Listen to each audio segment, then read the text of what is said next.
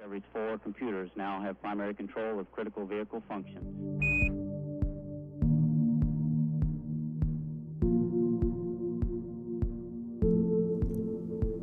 Du lytter til Ida Space Talks, en podcast om rummet over os, om hvordan universet har haft indflydelse på vores selvforståelse og vil præge vores fremtid. Ida Space Talks er udgivet af Ida, fagforening for teknologi, IT og naturvidenskab, i samarbejde med det faglige netværk Ida Space. Mit navn er Tino Tønnesen, og det er mig, der er vært på Ida Space Talks.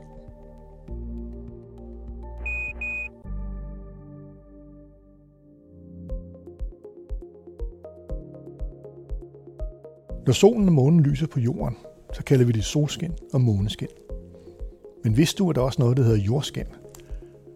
Det skal Andreas Mogensen arbejde med som et af de 10 projekter, han tager med op på øh, den internationale rumstation ISS til august næste år. Peter Tejl fra Danmarks Meteorologiske Institut, han er ansvarlig for projektet, og han ved alt om jordskin. Og ham skal vi møde lige nu. Velkommen til dig, Peter.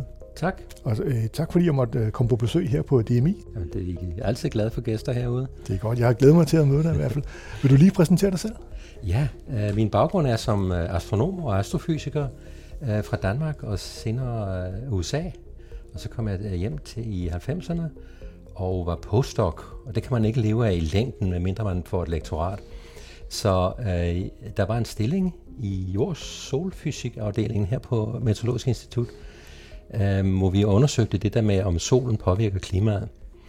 Og vi undersøgte, og vi fandt ud af en masse ting, og så forsvandt den politiske interesse efter et stykke tid. Og så kom jeg over i den almindelige øh, klimaforskningsgruppe, og øh, har der arbejdet videre, blandt andet med ting som det, der hedder Klimaatlas, klimaatlas.dk, hvor man kan gå ind og se vores bedste bud på, hvad der sker med klimaet i Danmark fremover og frem til år 2100. Øh, men der er også tid til øh, anden forskning ved siden af. Og en af de ting, der interesserer mig, det er det her med, med jordskin, øh, og jeg kan genbruge noget af det, jeg lærte som astronom ved, ved at gå over i det felt der. Øh, det er ikke for at kigge på månen, selvom det er, sjovt, det er sjovt nok, men det er fordi, det kan bruges til at sige noget om, hvordan øh, klimaet øh, på jorden har udviklet sig de sidste par år det er jo helt præcis ordet jordskin, som fangede mig. Så jeg tænker, at, at vi bare skal tage fat i det. Hvad er, hvad er jordskin? Ja, hvis man er på rumstationen for eksempel, man svæver rundt om jorden, og så kigger man til højre og venstre, og rummet det er mørkt så derude, og jo, der er månen og nogle stjerner, så kigger man ned, så ser man en masse lys, der kommer op ned fra jorden. Man kan se de hvide skyer, man kan se øh, blink fra solen på havet, og iskalotterne selvfølgelig, og man kan se Grønland og Sydpolen, og ørkenerne er lyse, og øh, skovene er mørke. Så det her lys, der kommer op fra jorden, kaldes jordskin. Og hvis det ydermere så når helt hen til månen og kan ses fra jorden eller fra rumstationen, så har det det rigtige navn, jordskin, Earthshine. Også nogen, den gang imellem kalder det askelys, men det er vist mere forbeholdt Venus. Aha. den mørke side lyser også en gang imellem. Men, men humlen er, at når der er jordskin på månen, så ser man ikke kun den side, der er oplyst af solen. Man kan, øh, især tæt på nymåne, så kan man se, at den anden side også kan ses, selvom den ellers er mørk normalt. Man ser bare sådan en, oh, hvad hedder det, en måne, øhm, en halvmåne eller sådan noget, er det det, der man normalt ser, og så er der sort resten. Ja. Men ved nymåne, så er den jo meget smal, den lysende del, og så er der en grå skive, der hvor øh, jorden lyser. Ja, så man, man, man kan godt fornemme, at det faktisk er en, en rund skive, selvom man kun kan ja. se en lille del af, af månen. Ja, øh, og den bliver altså oplyst af, af lys, der kommer fra jorden, og jo flere skyer der er, jo mere lyser det, jo færre skyer der er, jo mindre lyser det på månen, osv. Så, videre. så derfor kan vi øh, finde ud af, hvor meget lys reflekteres fra jorden. Og det er jo spændende, fordi øh, jordens klima er en balance mellem, hvor meget lys kommer der ind fra solen, og hvor meget bliver udstrålet i øh, langbølge som varmestråling. Og den er i næsten perfekt balance. Det er derfor, vi har et klima, der ikke galopperer derudad. Men øh, man kan jo gøre ting ved atmosfæren, for eksempel putte mere drivhusgasser i den, sådan så at balancen er lidt øh, ikke perfekt. Og så begynder vi at varme op, for eksempel. Man kan også køle ned. Og en faktor i det er, hvor mange skyer der er. Man kunne forestille sig, at øh, med øh, en varmere atmosfære var der mere vand, der fordampede. Og så kom der måske flere skyer. jamen kunne man se det? Kan man måle mængden af skyer? Kan vi gå ud og tælle? Nu er der så flere skyer, end der var for øh, 50 år siden. Det gør man ikke længere ved at gå udenfor og tælle. Det gjorde man i gamle dage, og der, der er nogle lande, der stadigvæk gør det.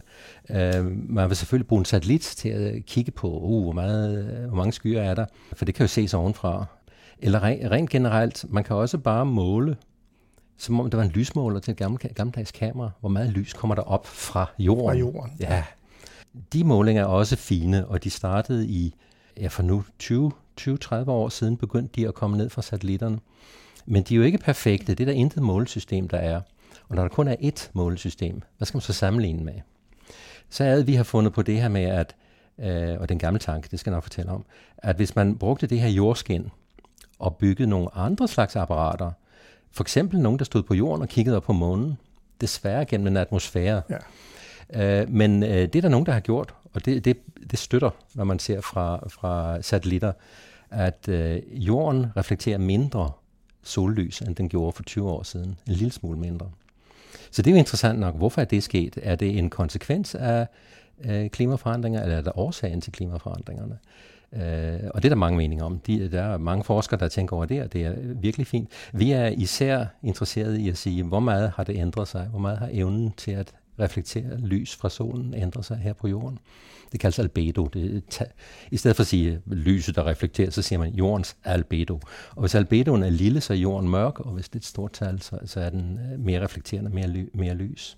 Det var, også, det var også det, jeg tænkte på, at nu er du allerede kommet ind på det, fordi jordskin er så op lys fra jorden øh, og på månen og på DMI, der, der beskæftiger jeg med, med meget omkring øh, klimaet og vejret på jorden. Så hvad er det, I bruger det her fokus til på, på DMI? Men det er simpelthen at fortælle noget om klimaudviklingen. Jamen, vi, vi er jo også gode til at lave modeller. Ikke kun observerer vi klimaet, men vi laver også klimamodeller. Og øh, klimamodeller er, er det bedste værktøj, der ude findes til at forstå klimaet, både det nuværende, og så kan man jo fremskrive, hvad vil der ske i fremtiden, hvis vi nu enten lykkes med at ikke putte så meget koldioxid op i atmosfæren, eller ikke formår at lade være, så det stiger og stiger. Det kan man regne på, så kan man se, hvad vil der ske med klimasystemet, som tiden går. De modeller skal jo holdes op mod virkelighed, for at man er sikker på, at de er rigtige. Det gør man ved at sammenligne med ting, man har observeret. For eksempel, en god klimamodel har den rigtige dag-nat-temperaturcyklus. Og en god klimamodel har det rigtige gennemsnitlige mængde skyer og den slags ting. En yderligere ting, man øh, kunne tvinge modellen til at passe med, eller sådan kalibrere den hen imod, er det her med, hvor meget kortbølget lys reflekteres op fra øh, jorden overhovedet. Det er jo en sammensat ting. Det er både, som jeg sagde, skyer, men også, hvis det blæser meget, så er der mere skum på havet. Så reflekterer det lidt mere. Hvis øh, isen smelter, ja, så er der, me- så er der mindre. Det, så er det mindre, der bliver reflekteret. Og hvis ørkenerne breder sig, jamen, så er der mere, der, der bliver reflekteret. Så det er en sammensat størrelse. Og vores idé med jordskinnet, ved at kigge på månen, er altså at komme med en anden måde at måle det, satellitterne også måler, og så sammenligne og diskutere. Tror vi på dem begge to samtidig, at hvis de er enige, så er det ikke så svært. Hvis de nu ikke er enige, hvad for en er så den rigtige? Og det, det kan så føre til vældig interessant forskning fremover. Det vil sige, at, at hvis vi står på jorden og kigger op på skyerne, og så vi kan se dem lyse, så er det jo jord, jordskin. Hvordan, hvordan øh, gjorde man før satellitter? Kiggede man på de her før satellitter? Øh, Stod man og talte ja. dem, som, som du var inde på? Man gik udenfor, man havde trænet observatører, der gik udenfor, og jeg tror, de delte himlen op i otte. Altså om dagen, så sagde de, der er halvdel, fjerdedel, ottende del, og så talte de skyer, hvor mange ottende dele var dækket af skyer. Okay. Og så blev det skrevet ned af, af menneskelige observatører, måske flere gange om dagen, og så det var det, man havde i gamle dage. Og det er desværre ikke nøjagtigt nok. Plus det afhænger af, øh, hvordan folk tæller. Altså ikke, at om de kan tælle, ja, 1, 2, 3, det kan de godt, men der var nogen, der måske mente, at de der små skyer, dem behøver vi ikke øh, tænke på. Og, så det var meget personligt, de, hvad det var for nogle tal, der blev sendt ned. Så hver gang der var en observatør, der blev skiftet ud eller gik på pension, jamen, så ændrede tallene sig lidt. Så kommer en ny metode simpelthen. Ja. Det, det var meget personligt. Ja. Men så har det jo hjulpet noget at få nogle satellitter. Ja, enormt meget, og de er virkelig gode, og vi skal måle med den anden metode, månemetoden, utrolig nøjagtig for at kunne slå dem i, i det, de måler. Øh, der er to slags satellitter. Dem, der skimmer jordoverfladen, sådan set, ligesom rumstationen, kun par 100 km oppe. Og de ser jo ikke hele jorden på en gang. Øh, de kan ikke engang se halvdelen af jorden. De ser et, et, et, en plet på 100 kvadratkilometer eller sådan noget. Og så flytter den sig, og så tager den et nyt billede. Og så skal alle de der små billeder jo lime sammen til et stort billede. Og det er svært, fordi der er altid lidt mørkere ude i kanterne af billeder, på grund af noget med, noget med krumning af linser og sådan noget. Så det er hårdt arbejde at stykke det sammen til et datasæt. Øh, men det har man så gjort. Især NASA gør de ting. Øh, der er et stort datasæt øh, for jordens skydække, øhm, der, der dækker dekader nu.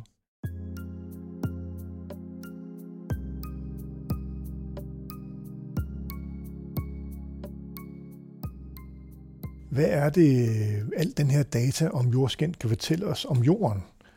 Den, den er svær at bruge, så for, det første, den skal gøres, er, at vi spørger, ligner den overhovedet det, satellitterne måler? Mm. Og det, det håber vi selvfølgelig på, at det gør det. Ellers så, så, så lad os sige, at det ligner øh, satellitterne, men der er nogle små forskelle. Så skal vi til at for, for, forstå dem. Som jeg sagde, der er to slags satellitter. Den ene måler jo et frimærke ad gangen, og så skal frimærkerne limes sammen, fordi det, det er øh, satellitter i lavt kredsløb. Så er det de andre, der hænger geostationært, eller den ene, der er ude i det, der hedder Lagrange-punktet, L1. Øh, der er en satellit, og den tager simpelthen billeder af jorden hele skiven på en gang. Selvfølgelig ikke bagsiden, men halvdelen af en kugle af gangen, og den har avancerede øh, målmetoder med. Dem, der er geostationære, det er sådan mere det, vi måske nogle gange ser øh, vejrfilm på, på, når man viser, at her er en stor sky, der sådan har bevæget sig hen over Danmark i dag på, på vejret om aftenen på nyhederne. Det kommer fra sådan nogle geostationære satellitter, øh, og de ser Ja, de, de kan jo se halvdelen af jorden, men ude mod kanten er det ikke så sjovt, så der er flere satellitter rundt om jorden. Så også de data skal, sæt skal limes sammen øh, jordskin, fordi den måler jo det gennemsnitlige reflektivitet fra jorden, da det lyse, sollyset falder på jorden, og der er jo ujævn fordeling af skyer og ørkner i, i iskapper og solglint i, i havet osv. Men det bliver jo midlet automatisk ved, at det bliver reflekteret ud i rummet. Mm. Så hvis du holder en plade op ude i rummet, en, en satellit, en rumstation eller månen, eller en måne. så falder lyset på den, og så kan vi blandt andet fra jorden, men også fra rumstationen, se, hvor meget lyser det, hvor meget lys falder på månen. Og det fortæller os, hvor meget lys der kom fra jorden, altså hvor, hvor, hvor reflekterende den er. Og det giver datasæt, der er virkelig øh, anderledes, det man har fra satellitter. Og derfor er der en god chance for, at vi kan lære noget ved at sammenligne dem. Det er jo så det, vi kommer ind på nu, nemlig det, Andreas Morten skal, skal lave for jer. Fordi det er jo klart, at hvis I står på jorden og kigger op, øh, så er man er enormt afhængig af, om det er, hvor mange skyer der er, og som, som du selv siger, der er masser af ting, der kan, der kan påvirke det. Og der er især en atmosfære omkring jorden, som, øh, som ville kan gøre mange ting ved, ved jeres data. Men hvis man så sidder på en rumstation, hvad er fordelen ved det? Det er, at øh, man skal ikke kigge på månen øh, gennem atmosfæren. Atmosfæren er en variabel kilde. Øh, vi havde i, øh, for 10 år siden havde vi et teleskop på Hawaii, den ø, der hedder Mauna, Mauna Loa. Det store astronomiske observatorium er over på Mauna Kea, men Mauna Loa er øh, nemmere at komme til og bliver drevet af, øh, lad os sige, det amerikanske DMI, det der hedder NOAA, og der kan man komme ind, og vi havde et instrument, der stod der og kiggede på månen, og det er altså et af verdens bedste steder. Der er meget, for det første er der meget rolig atmosfære, og den atmosfære, der er, den er øh, tynd. Man er, man er oppe i, jeg tror det er 0,7 atmosfæres tryk eller sådan noget. Så, der, så der, man, er, man er øh, et godt stykke oppe. Og det er især det, at den er rolig, og den er tør. Så derfra optog vi billeder af månen for at måle øh, jordskinnens intensitet. Men man kunne stadigvæk se, at der var en atmosfære imellem. Øh, hvis man lavede nogle særlige... Øh, øh, øh, man ændrer billedet, man kigger ikke på billedet, man kigger måske på logaritmen af billedet. Så at man virkelig kan se de svagt lysende dele på samme skala, på, altså en, en, en sådan øh, display på en computer, øh, kun 8 bit, og kan virkelig ikke vise noget, der er meget lyst og meget mørkt samtidig. Du ser kun det lyse. Men hvis du så tager øh, logaritmen af billedet, så kan du godt se det, og så kan du begynde at analysere på det. Og der kan man se, hvordan dels der, der er ting, der bevæger sig henover på en fuldstændig klar nat. Jamen, der er ting, der bevæger sig henover. Det, det, det står og dalrer, og månen kører lidt frem og tilbage. Og alt det kan vi slippe for ved at tage øh, ud i rummet, enten fra en satellit eller fra rumstationen. Og vi har været så heldige at øh, kunne interessere ESA, altså den europæiske øh, rumorganisation, for at lade den danske astronaut Andreas Mogensen lave et eksperiment for os med at tage billeder af månen gennem vinduerne på rumstationen. Ja, og så tænker jeg, hvordan, hvordan foregår det? Er det bare et helt almindeligt kamera, eller har I bygget øh, noget, noget specielt teknologi til det her? Hvordan, og hvordan har I forberedt hele det her projekt? Uh, vi vælger at bruge det uh, udmærkede kamera, de har ombord allerede. Det er vist et, et Nikon D5. De snakker om at få det, der hedder Z9, og det, det er dyre kamera, det her. De er virkelig, virkelig dyre. ja, ja. Så, så vi har ikke adgang til det. Men uh, humlen er, at ESA og NASA har allerede de der kameraer på rumstationen. Så der er ikke så meget, der skal testes og afprøves og aftales. Det er meget svært, og det ved de andre deltagere i det her danske forsøg, de ni andre, der har fået deres ting op på rumstationen. Jamen, de skal kunne bevise, at det er sikkert. De skal bevise, at der ikke er skarpe kanter, man kan slå sig på. De skal det bevise det ene og det andet og det tredje og det fjerde. Det behøver vi ikke. Vi, vi gør det lidt nemmere ved at bruge udstyr, de allerede har brugt, og som er på rumstationen. Og det er så en, øh, det her Nikon-kamera med en øh, linse, en 400 mm linse, så at vi får billeder af månen, øh, hvor månen er stor nok i billedfeltet. Den må ikke være bare en prik, den skal, den skal fylde øh, en femtedel af billedet eller sådan noget, så vi kan lave de målinger, vi skal. Det vil sige, at det dybest set bare er, om en, et dyrt kamera, så et, et rimelig almindeligt kamera, og så kan I måle lysintensiteten. Ja. Det, det, der er det sjove, er, at både optik, der svæver i det tomme rum, vil på en det, selvfølgelig hvis der er, er riser i øh, linsen, så får du spredt lys. Og det bliver, så månelyset bliver spredt ud, og problemet med spredt lys øh, fra den lyse side er, at det, er meget, det lyser meget stærkt, så derfor kommer det ind på den mørke side, som er den, vi vil måle på. Og det er jo ikke så godt. Så vi vil undgå så meget spredt lys som muligt. Og atmosfæren er en kilde til spredt lys af den type. Det er riser i linsen også, så vi håber, der ikke er øh, riser i den linse. Og så er det det, der hedder øh, diffraktion, fordi øh, linsen ikke er uendelig stor, men har måske en, en øh, åbning på 8 cm eller sådan noget, så ved der om en hver lyskilde, den tager billeder af, være en lille smule spredt lys, der ligger som en, en halo udenom mm. lyskilden.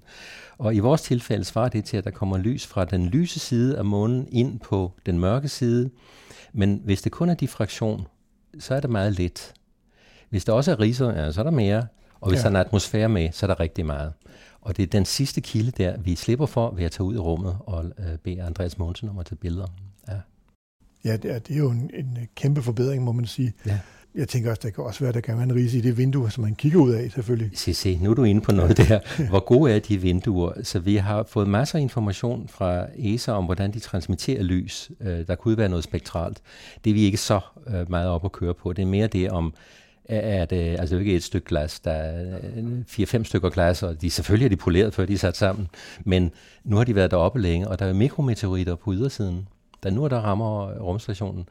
Og hvis der er mange sådan noget sandblæ, af de der små sandblæste huller i det yderste glas, så får vi meget spredt lys. Ja.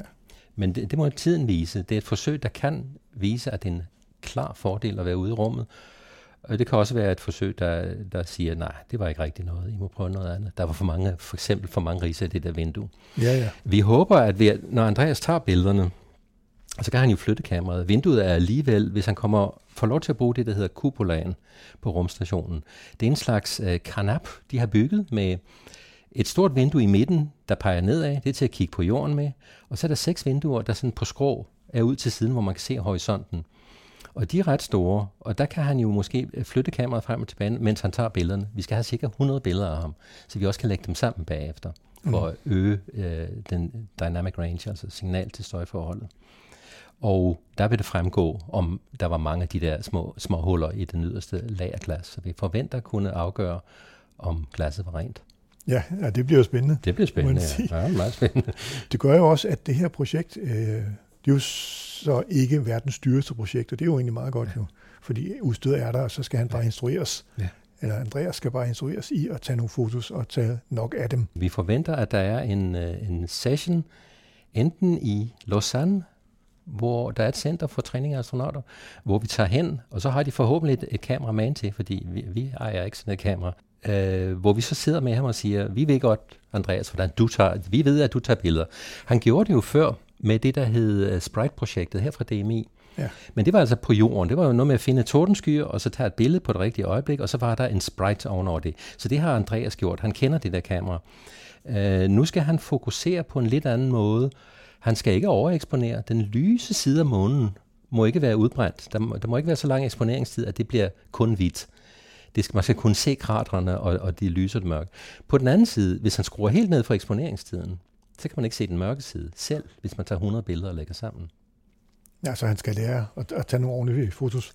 Øh, det, det gør han sikkert. Øh, så vores instruktion er at, at, at forklare det her med, hvordan den rigtige, hvordan finder man ud af, at man har taget et billede, der er eksponeret godt nok. Uh, og nu har jeg selv et meget simpelt kamera, ikke et Nikon, men uh, det andet uh, Canon. Og der tager man jo billeder, og så har man mulighed for at kigge bagpå, når man har taget billedet, så er der pixler, der blinker, hvis man har overeksponeret.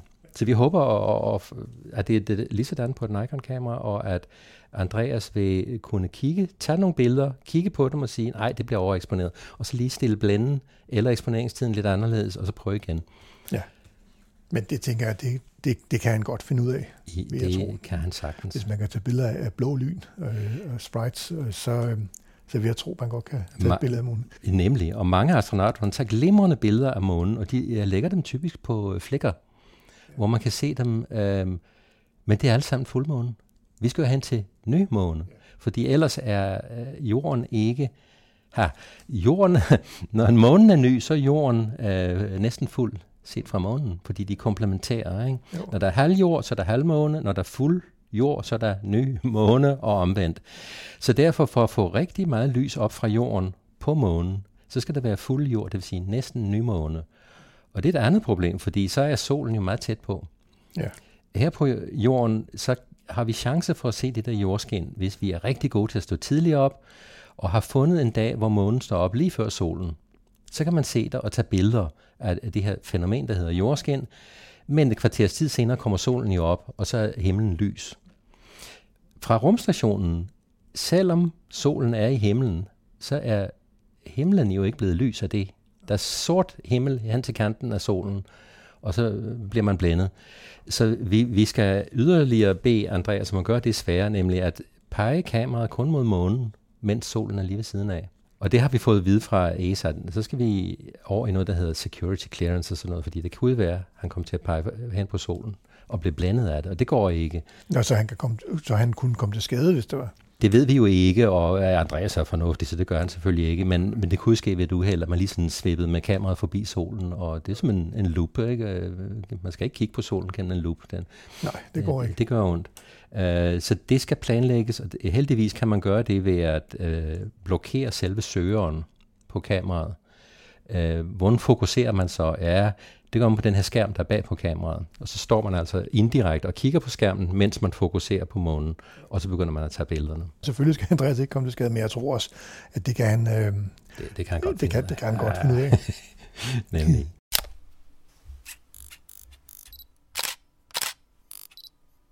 Hvor mange, øh, hvor mange billeder er det, han skal tage af, af månen for jer? Jamen, det, øh, vi vil gerne have 100. Vi har bedt om 200 i to omgange. Uh, nu er et kredsløb med rumstationen i cirka 90 minutter. Hvis Andreas kigger ud af et vindue, der peger hen mod horisonten, så ser han månen i måske nogle minutter. Og så har rotationen af rumskibet gjort, at altså i sin bane, at nu er månen et andet sted bag rumstationen. Så han har nok nogle minutter til at fyre en masse billeder af. Så 45-40 minutter senere går månen ned. Så der kunne han, hvis der var to vinduer, flytte over til et andet vindue og fortsætte med at tage billeder der. Uh, men vi vil gerne bede om mange. Vi har bedt om altså 100 to gange. Uh, gerne med nogle dage imellem, fordi så når jordens fordeling af skyer at ændre sig, sådan så vi kan se, om man på billederne kan, af månen kan se en forskel. Er der forskel i jordskinnet? Ellers er der i de der 90 minutter ikke så meget forskel, øh, fordi skyerne bevæger sig jo ikke hurtigt på jorden. Så derfor vil vi gerne have en omgang billeder, og så vente et par dage, og så en omgang til. Ja. For, for, for at få et gennemsnit? Eller? Nej, det er sådan set for, for at uh, kunne se, lade nogle dage passere, hvor uh, skyerne på jorden har uh, lejlighed til at omfordele sig. Og så kan vi på uh, jordskinnens styrke i de to bunkerbilleder se, om, der, om vi kan vise, at ja, det, det var to forskellige situationer. Jo. Um, det, er, det kamera der er et 14-bit kamera. Uh, hvis man tager billeder i det, der hedder RAW mode, det hedder noget andet på, på Nikon, det hedder NEF hedder det. Hvis du tager NEF-billeder, så er de 14-bit. Uh, øh, de almindelige JPEG-billeder, som folk er vant til at, at tage med deres kamera, de er 8-bit. Og det der med, hvor mange bit der er, det har at gøre med, hvor meget strækker man lyset ud fra det lyseste til det mørkeste, hvor mange underafdelinger er der. Og med et 8-bit kamera er der, det bliver 256 øh, gråhedsniveauer. Ikke? Med et 14-bit er vi, nu skulle jeg have forberedt tallet, det kan ikke, men det, det er vist 10.000 eller mere. Vi har engang arbejdet, det vi havde på Hawaii, det var 16-bit, og så får man 65.000 inddelinger i lysintensiteten mellem det klareste, den kan optage, og det svageste. Fordi kameraet er 14-bit, så kommer vi ikke op på det samme med de 16, men vi kan tage 100 billeder og så lægge dem sammen. Det kræver dels, at, at øh, Andreas ikke ryster for meget på hånden, men også, at vi bagefter selvfølgelig tager billederne og, og matematisk øh, korrelerer med hinanden, så vi ved, altså de, de skal lægges oven i hinanden. Så selv hvis Andreas ryster på hånden, og håber, det ene billede kommer lidt ud til siden, jamen vi flytter det tilbage og lægger dem præcis oven i hinanden. Og så kan vi oparbejde signal til støjforholdet og komme op i nærheden af de 16 bit, vi har brug for ved at han har taget 100 billeder. Ellers ville et billede være, være, være flot, men man er ikke sikkert, at man kan se den mørke side. Nej. Øhm, og så skal vi altså virkelig tæt på nymåne, og så der, der er andre problemer, det med solen for eksempel. Jo. Jeg tænker på øh, rumstationen, er der rystelser i den også, som man skal tage hensyn til? Ikke, ikke rystelser, det er mere det, at den bevæger sig hele tiden. Jo. Så vi, vi ser for os, at Andreas på en eller anden måde manøvrerer hen til vinduet, når tiden er der, øh, med kameraet klart, opladt og he, hele muligheden, det hele er klart, og han finder ud af fokus, han kan se, han kan se månen, og så holder han knappen nede på, på kameraet og tager alle billederne. Sådan et kamera kan vist tage 200 billeder, før det begynder at brokke sig og sige, nu, nu vil jeg altså have, have tid til at lægge det ud på kortet og sådan noget. Jo, jo, jo. jo. Så 1-200 billeder vil han kunne tage øh, ved bare at holde knappen nede. Ja, på relativt kort tid. Ja. Det er noget med en 3-4-5 billeder i sekundet eller sådan noget. Så det, det er overstået på et par minutter. Så har han fået alle de billeder, han kan. Øhm, og så er der alt det andet med, at han skal downloade til jorden og øh, oplade kamera til næste bruger og sådan nogle ting. Så der bliver nok brug for den time, men selve billedsekvensen går hurtigt. Så det hele, det I har booket en time af hans tid i de seks måneder, han er der? Vi har faktisk fået to gange en time. Okay, ja. Sådan så vi kan, vi kan hvis vi gør det, hvis han har held første gang lige før nymåne, og så venter et par dage, så kan han gøre det igen efter nymåne, med samme månefase, det vil sige samme forventning om øh, styrken på jordskinnet. Okay. Hvis han venter til halvmåne, jamen, vi, vi får aldrig den mørke side at se. Det giver flotte billeder, men vi får ikke den mørke side at se. Nej, det kan de jo ikke bruge til noget. Nej. Nu sidder jeg så tænker på, når nu Andreas har taget 200 rigtig gode billeder, som I kan bruge. Hvad er så øh, hvad er jeres håb at se på de her fotos? Hvad, hvad er det? Hvad er det, I regner med at kunne se, og hvad er det, I kan bruge det til? Vi håber for det første, at man kan se den mørke side i nogle få billeder. Hvis det ikke er tilfældet, så lægger vi dem sammen.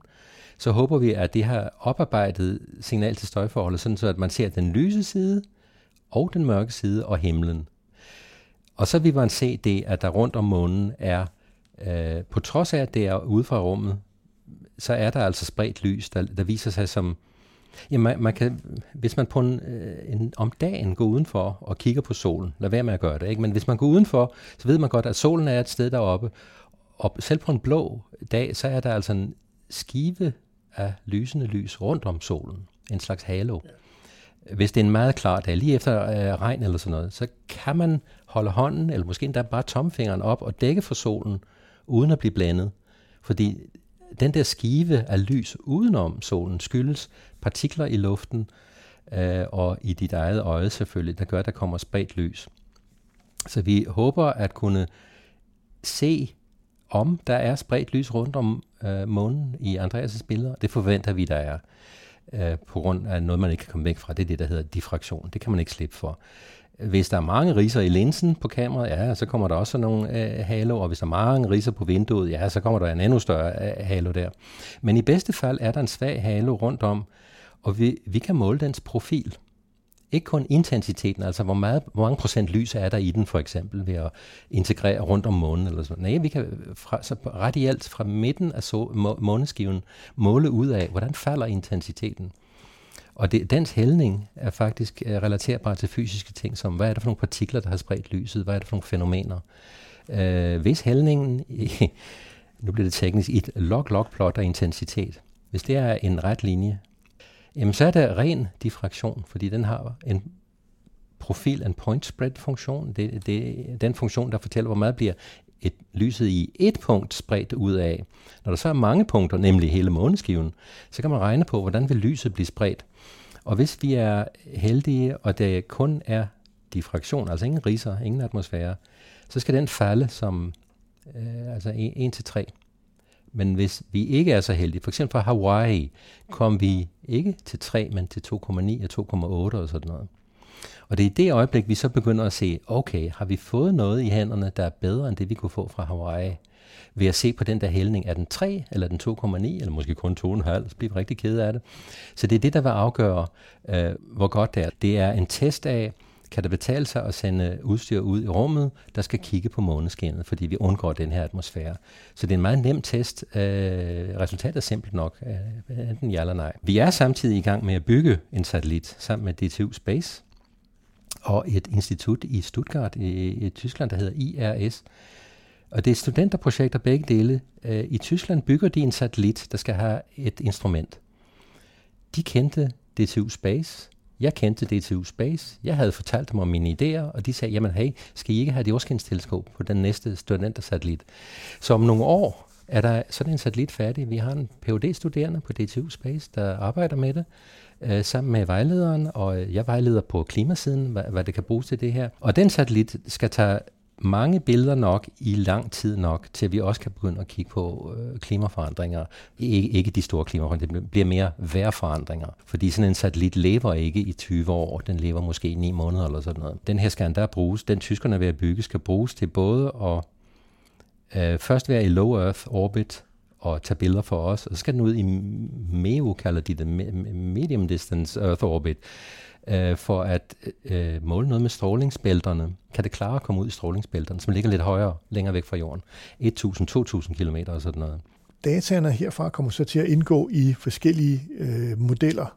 Man kan gøre det på flere måder. Vi har valgt at lave øh, forward modeling af jorden, det vil sige, vi tager en klimasituation på jorden, eller en vejrsituation, fordi vi har jo satellitbilleder, vi ved, hvor skyerne er. Så vi har lavet en model af jorden, og for det øjeblik, hvor billederne af månen blev taget, så laver vi en model af, hvor meget lys burde der komme fra jorden med vis mængde skyer, og så meget ørken, og den er, den er, det, altså det er Afrika, man kan se fra månen, det er ikke Stillehavet, som er mørkt for eksempel. Øh, så vi laver en forward-model af, hvor meget lys der burde komme fra jorden, hvor meget jordskin der burde komme. Og så sammenligner vi med det observerede, og så indstiller vi nogle parametre ind til billedet af jorden, som vi har lavet i en kunstig model, øh, giver så meget lys fra sig, at det svarer til det, vi kan se på månen. Så faktisk øh, det, det, er en, det er en model af månen. Der er to dele i den. Der er en model af jorden og en model af månen, fordi lyset skal jo fra solen til jorden til månen og ned til jorden igen, eller rumstationen. Så vi har lavet en, øh, en komplet model af det. Øh, så det bliver en parameter i en fitted model, en tilpasset model, der er albedoen. Og det er så det datasæt, vi til sidst skriver ned og siger, okay, de her billeder gav os den albedo på jorden og så går vi til næste billede. Ja, og hvis man så kan se, der er øh, en stigning eller en, en, en fald i albedoen, så fortæller det også noget om, hvordan jorden har det. Ja, og øh, vi forventer, hvis vi havde data øh, i 20 år, som man har haft, og det var så med den jordbaserede metode fra Kalifornien og, øh, hvor er det, Kanarieøerne og Uzbekistan og alle steder, nej, Kazakhstan, undskyld, har man observeret månen i 20 år og sat et datasæt sammen. Der viser det samme, som satellitterne viser, nemlig at jorden bliver mørkere. Øh, en lille smule mørkere, men nok til, at man kan måle det med, med den målnøjagtighed, der er til, til rådighed. Vores bidrag bliver at fortsætte de, den slags målinger ved hjælp af satellitten, øh, som jeg nævnte, men også at øge nøjagtigheden i billederne, øh, i, i de data. For øjeblikket er der en 0,3-0,5 procents fejl i det. Vi vil ned på 0,1, og vi mener, at forskellen mellem 0,1% og 0,5% eller 0,3, 0,4, det er, at de har måttet kigge igennem atmosfæren, der står og blinker og dalrer hele tiden. Mens vi kommer udenfor og slipper for det, så vi vil øh, på sigt se, om vi ikke kan slå det bedste øh, datasæt, der er målt fra jorden med den her metode. Øh, takket være først Andreas Mogensen, der hjælper os med at se, kan det betale sig at tage ud til rummet, og siden med den her satellit. Det vil sige, at hvis jorden er mørkere og mørkere, det vil sige, at der er mindre og mindre jordskin, så fortæller det os, at jorden er blevet varmere. Den bliver varmere og varmere. Jo mere den suger til sig, jo varmere bliver den. Så der er selvfølgelig nogen, der spekulerer i, at ah, det er derfor, det, der er klimaforandring. Jorden er blevet mørkere. Vi kan ikke udelukke, at det er omvendt, og fordi der er klimaforandringer, så er der blevet mørkere. Forventningen var nok, at der ville komme flere skyer, når luften blev varmere, og der var mere havvand, der fordampede og blev til damp i luften. Så ville der være flere hvide skyer rundt om, og dermed ville øh, øh reflektiviteten stige, men den er altså faldet. Øh, jeg kan se i forskningslitteraturen om det her emne, for folk er selvfølgelig klar over, at det, de har ikke siddet stille i 20 år. Øh, de har fulgt med, og de mener det, er, fordi vi, der er færre øh, svovldioxidpartikler, svovlsyrepartikler i luften, fordi vi brænder renere olie af. Vi holdt op med at bruge beskidt olie. Og derfor har vi renset atmosfæren, som nu reflekterer mindre lys ud i rummet. Så det er ikke skyer længere. Nu er det ligesom et, et øh, hvidt skær, der er over jorden, når man kigger på den udefra. Og hvis der er flere af de her partikler oppe i, højt op i atmosfæren, jamen så er det det, der reflekterer mere, mere lys. Og hvis man tager dem væk ved at rense atmosfæren, ved at, altså ja, så, så kommer bedre der, olie, kommer der mere lys på jorden. Så kommer der mere lys ned, for der er færre af det her, det, det der hvide skær forsvinder, og det kan være det, der er sket. Okay. Det er jo enormt spændende. Ja, utroligt spændende. Det, det, kan jo, det kan jo fortælle os meget om jorden og jordens fremtid selvfølgelig, og klima især, som også er det, I interesserer jer for jo. Ja, fordi det, det giver øh, oplysninger, der øh, øger øh, vores tillid til klimamodeller, og vi kan bedre udpege, hvilke klimamodeller øh, svarer til det, vi ser. Jeg synes, det er fantastisk spændende at høre om alt det her. Jeg håber på, at Andreas stiller skarp på Jamen, månen, må man sige. Vi glæder os enormt til at ja. snakke med ham om, om de billeder der, og er sikker på, at han kan tage virkelig gode billeder. Ja, det håber jeg også. Tusind tak, fordi jeg måtte komme forbi med Det var tak. tak. Du har lyttet til The Space Talks, som udkommer hver 14. dag. Du kan også følge os på Facebook i gruppen Ida Space, og her kan du også deltage i debatten om alt inden for rumfart. Du kan også skrive til mig på trt hvis du har et emne, som du synes, at vi kan tage op. Og du kan abonnere på podcasten via din favorit podcast udbyder. Ida Space Talks er en af flere podcasts, der udgives af Ida, fagforeningen for teknologi, IT og naturvidenskab. Og du finder alle Idas podcast på ida.dk-podcast. Mit navn er Tino Tønnesen. På genhør om 14 dage.